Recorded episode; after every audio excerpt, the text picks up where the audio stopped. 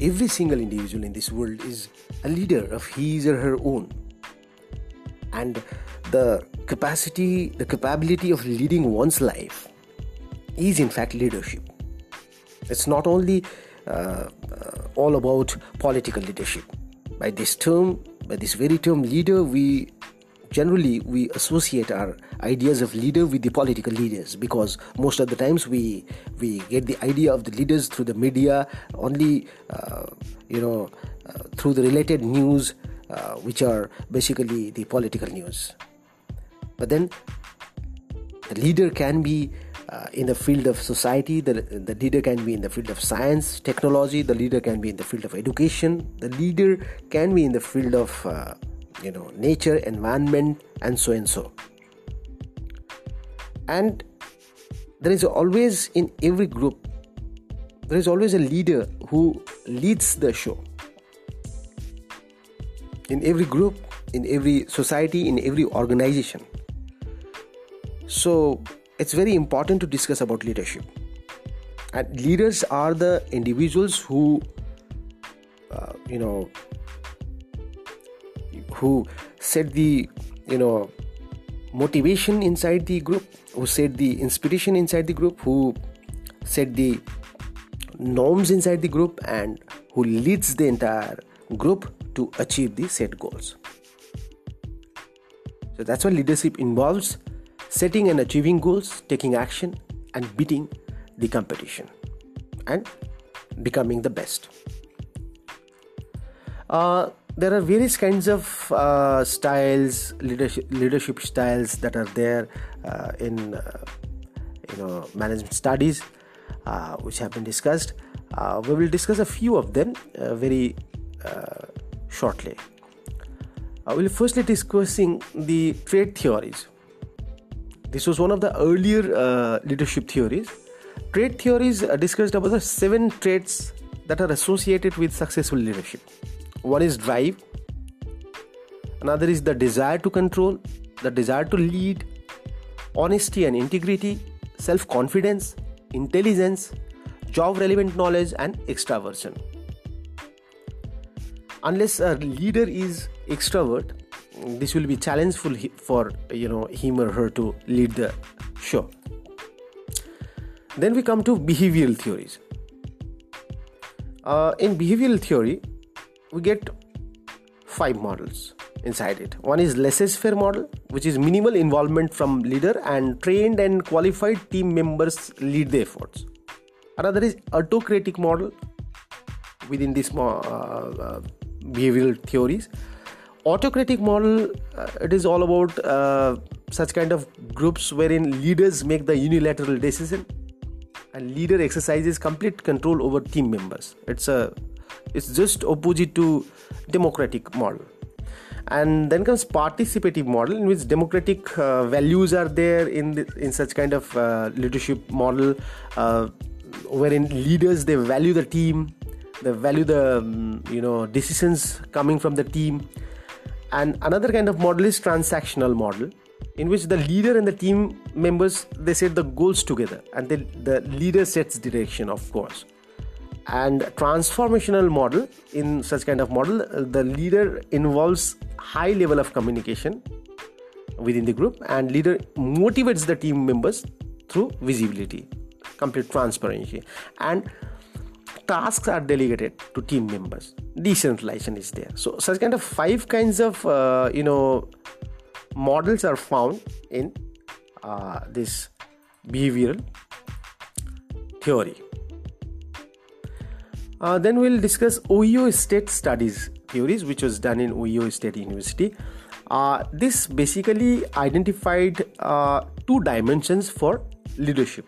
One is initiating structure dimension and consideration dimension. Initiating structure dimension it is all about the role of the leader in defining his or her role and the roles of group members. So it's all about creating the role clarity and goal clarity.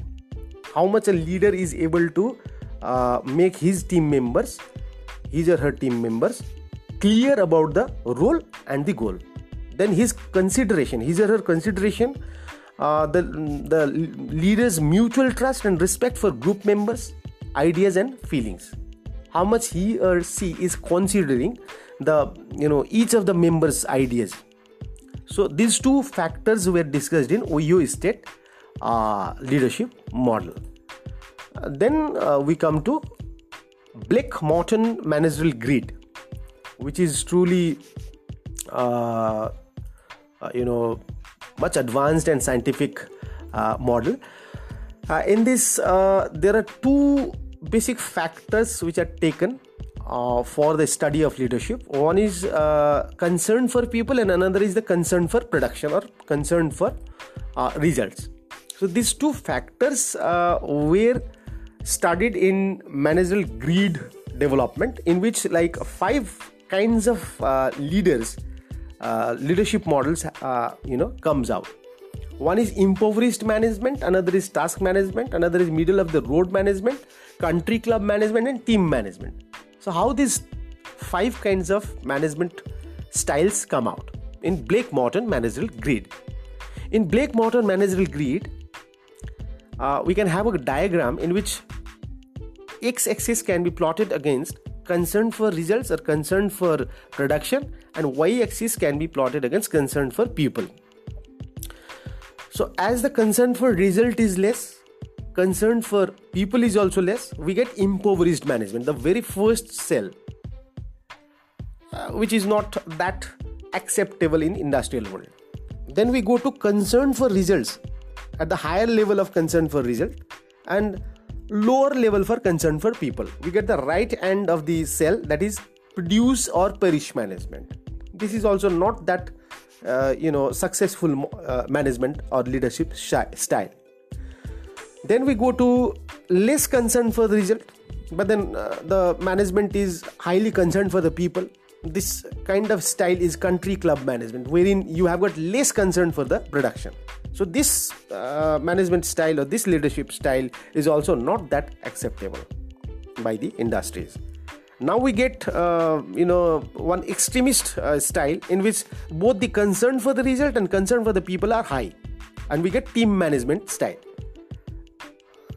And this is also very extremist kind of uh, you know style which might sometimes be uh, you know uh, not that amicable for the organizations ultimately we get the mod if we uh, you know maintain the moderate level of concern for results and moderate level for concern for people we get one style which is almost well accepted throughout the globe that is middle of the road management so this is all about Blake Mouton managerial grid, wherein we get five styles of management. One is country club management, wherein concern for people is high and concern for results is less.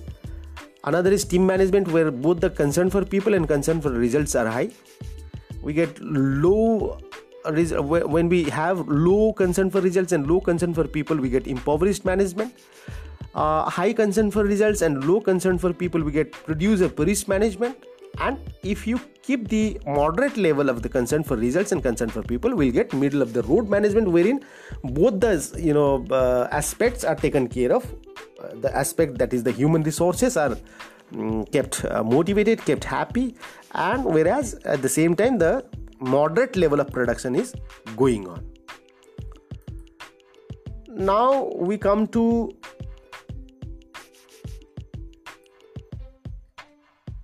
uh, Michigan model in which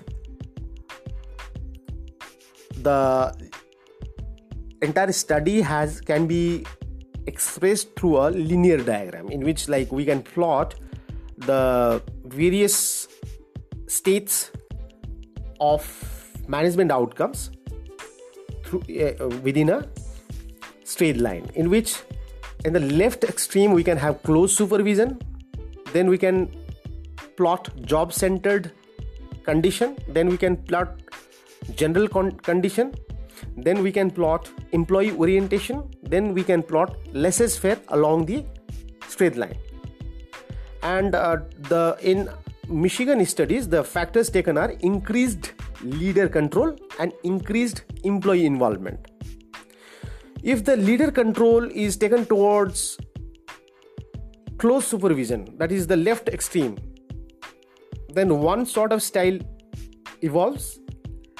And if we take the increased employee involvement towards right then another kind of uh, you know leadership style emerges out. In the left ex- extreme that is uh, high of leader control and less of increased employee involvement we get close supervision. That is less democratic kind of setup or style. And if we get uh, high level of increased employee involvement and less level of leaders control then we get laissez-faire style. So this is all about michigan studies and thank you very much for today